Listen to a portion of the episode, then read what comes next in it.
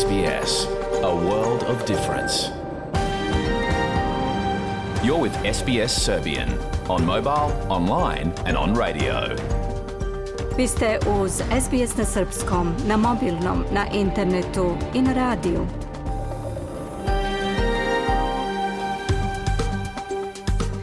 SBS odaje priznanje tradicionalnim vlasnicima zemlje sa koje danas emitujemo program na srpskom. Ovim izražavamo poštovanje prema narodovu Renđeri i Vojvorung, pripadnicima nacije Kulin i njihovim prošlim i sadašnjim starešinama.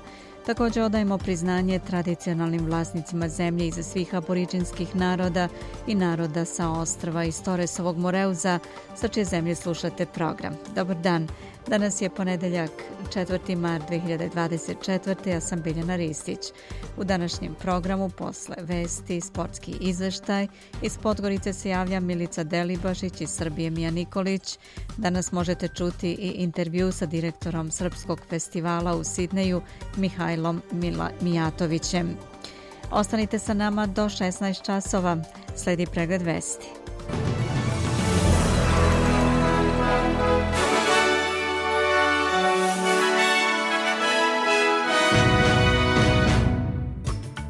Danas u Melbourneu počinje specijalni ASEAN Summit. Direktor Uprave policije Crne Gore Zoran Brđanin smenjen sa funkcije po drugi put. Zvaničnici uključeni u pregovore između Hamasa i Izraela kažu još uvek postoji nada za sporazum pre Ramazana.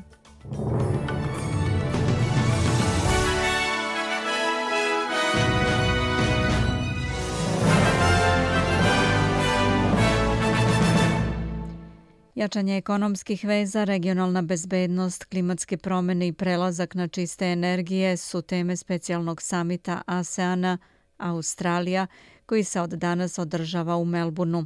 Ministarka spoljnih poslova Penny Wong kaže da se zemlje Pacifika i Jugoistočne Azije suočavaju sa ozbiljnim odbranbenim pretnjama i najavila da će Australija uložiti u odbranu 64 miliona dolara tokom četiri godine.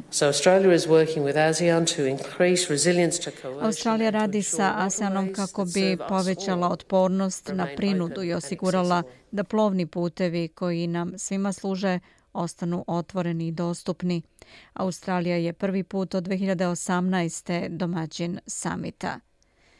Otvarajući završni blok javnih rasprava Kraljevske komisije za odbranu i samoubistvo veterana, predsjedavajući Nick Kaldas pozvao je na saradnju i odgovornost u rešavanju sistematskih izazova. Gospodin Kaldas kaže da je istraga nastojala da ne potkopa odbrambene sposobnosti Australije. We are not the cause of the ADF's troubles, uh, troubles. Najveći neprijatelj australijskih odbranbenih snaga leži u njima samima, kaže predsjednik Kraljevske komisije, koja je utvrdila da se vojska suočava sa duboko ukro ukorenjenim kulturološkim problemima, što treba hitno rešavati.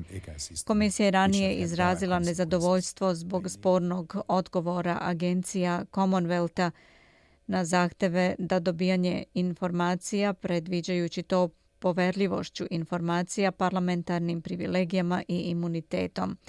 Konačni izveštaj je prvobitno trebalo da bude dostavljen sredinom juna, ali je odobren produžetak roka od tri meseca, te će izveštaj biti podnet početkom septembra.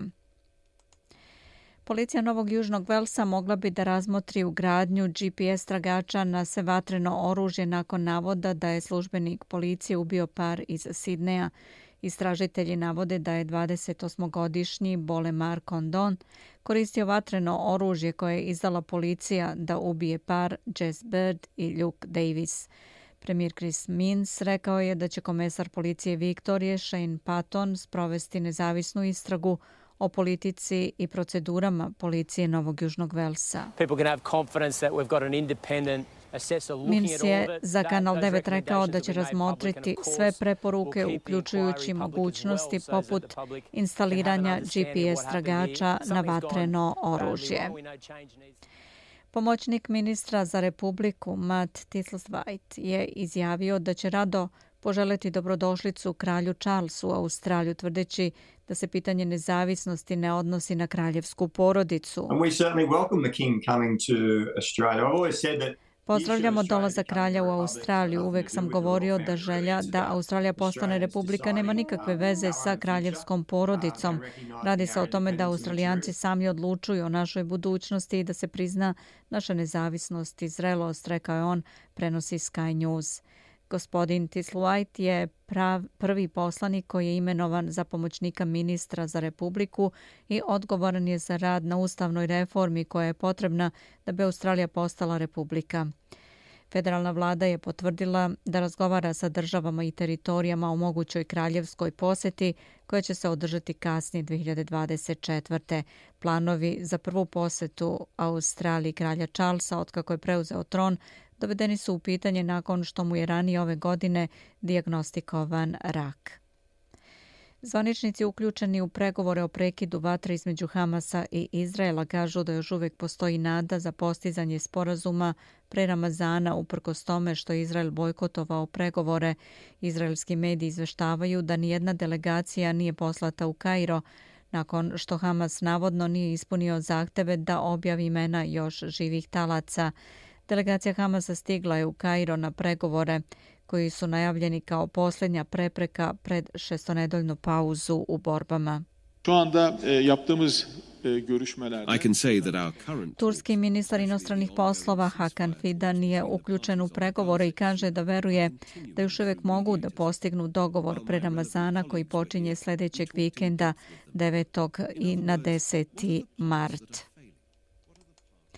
NATO sprovodi veliku podmorničku vežbu pod nazivom Dynamic Manta 24 u Mediteranskom moru u blizini italijanskog ostrva Sicilija. Sedam podmornica NATO iz Grčke, Francuske, Italije, Španije, Turske i Sjednih država učestvuju u složenoj vežbi kod Sicilije. Brodovi koji učestvuju vežbaju praćenje, dok uporedo traje koordinacija sa vazdušnim snagama i brodovima kako bi se poboljšale borbene mogućnosti na moru. Glavni cilj je da se spreme NATO jedinice da mogu da odgovore na bilo koju pretnju od podmornica navode iz Alijanse. Na Kopaoniku je počeo 31. biznis forum na kome se okupilo više od 200 učesnika koji će pokušati da u naredna tri dana odgovore na pitanja šta se može očekivati u ovoj godini globalne neizvesnosti. Prema projekciji MMF-a neće biti recesije na globalnom nivou zahvaljujući pre svega tome što se američka ekonomija pokazala otpornijom nego što se to činilo, a i neka nova tržišta poput kineskog beleže bolje rezultate. To ne znači da je opasnost prošla posebno za države sa visokim nivom duga, pre svega zbog dešavanja u Crvenom moru i problema u snabdevanju energentima. Stalna predstavnica MMF-a u Srbiji Julija Ustjugova kaže da se za većinu zemalja Zapadnog Balkana predviđa privredni rast, prenosi radio televizija Srbije. Izuzev za Albaniju i Severnu Makedoniju, za sve zemlje Zapadnog Balkana predviđamo privredni rast. Očekujemo dalje smanjenje fiskalnog deficita, posebno u Srbiji i Severnoj Makedoniji. U ostalim zemljama će se kretati oko proseka. Samo je Crna Gora u opasnosti od rasta. Novo je i da će smanjen izvoz biti nadomešten povećanom potrošnjom kao rezultatom smanjenja investicija. To će biti novi pokretač rasta uz javne investicije, uz podsjecanje privatnog sektora da više ulaže. Značajniji privredni rast bio bi moguć i kroz čvršće regionalno povezivanje, kaže Richard Rekord, vodeći ekonomista za Zapadni Balkan i Svetske banke. Um, Kada bi se smanjilo čekanje na granicama za samo 3 sata, BDP zemalja Zapadnog Balkana bi godišnje rastao 2 do 3 odsto. Uklanjanjem svih barijera do 2030. BDP bi bio veći za 13 odsto, a korist od toga bi imali i susedne zemlje poput Grčke i Hrvatske. Da pogledamo i kolika je vrednost australijskog dolara danas prema američkom vredi 65 američkih centi, 60 evro centi, 52 britanska penija i 70 srpskih dinara, 47 para.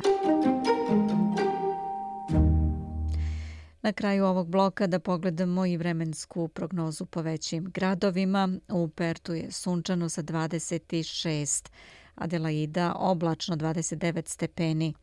Melbourne 22, sunčano, Hobart 18, sunčano, sunčano je i u Kamberi sa 24 stepena.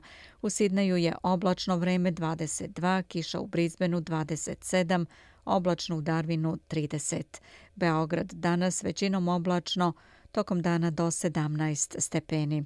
Slušali ste pregled vesti na srpskom. Za sve najnovije vesti posjetite sbs.com.au kosacrta news.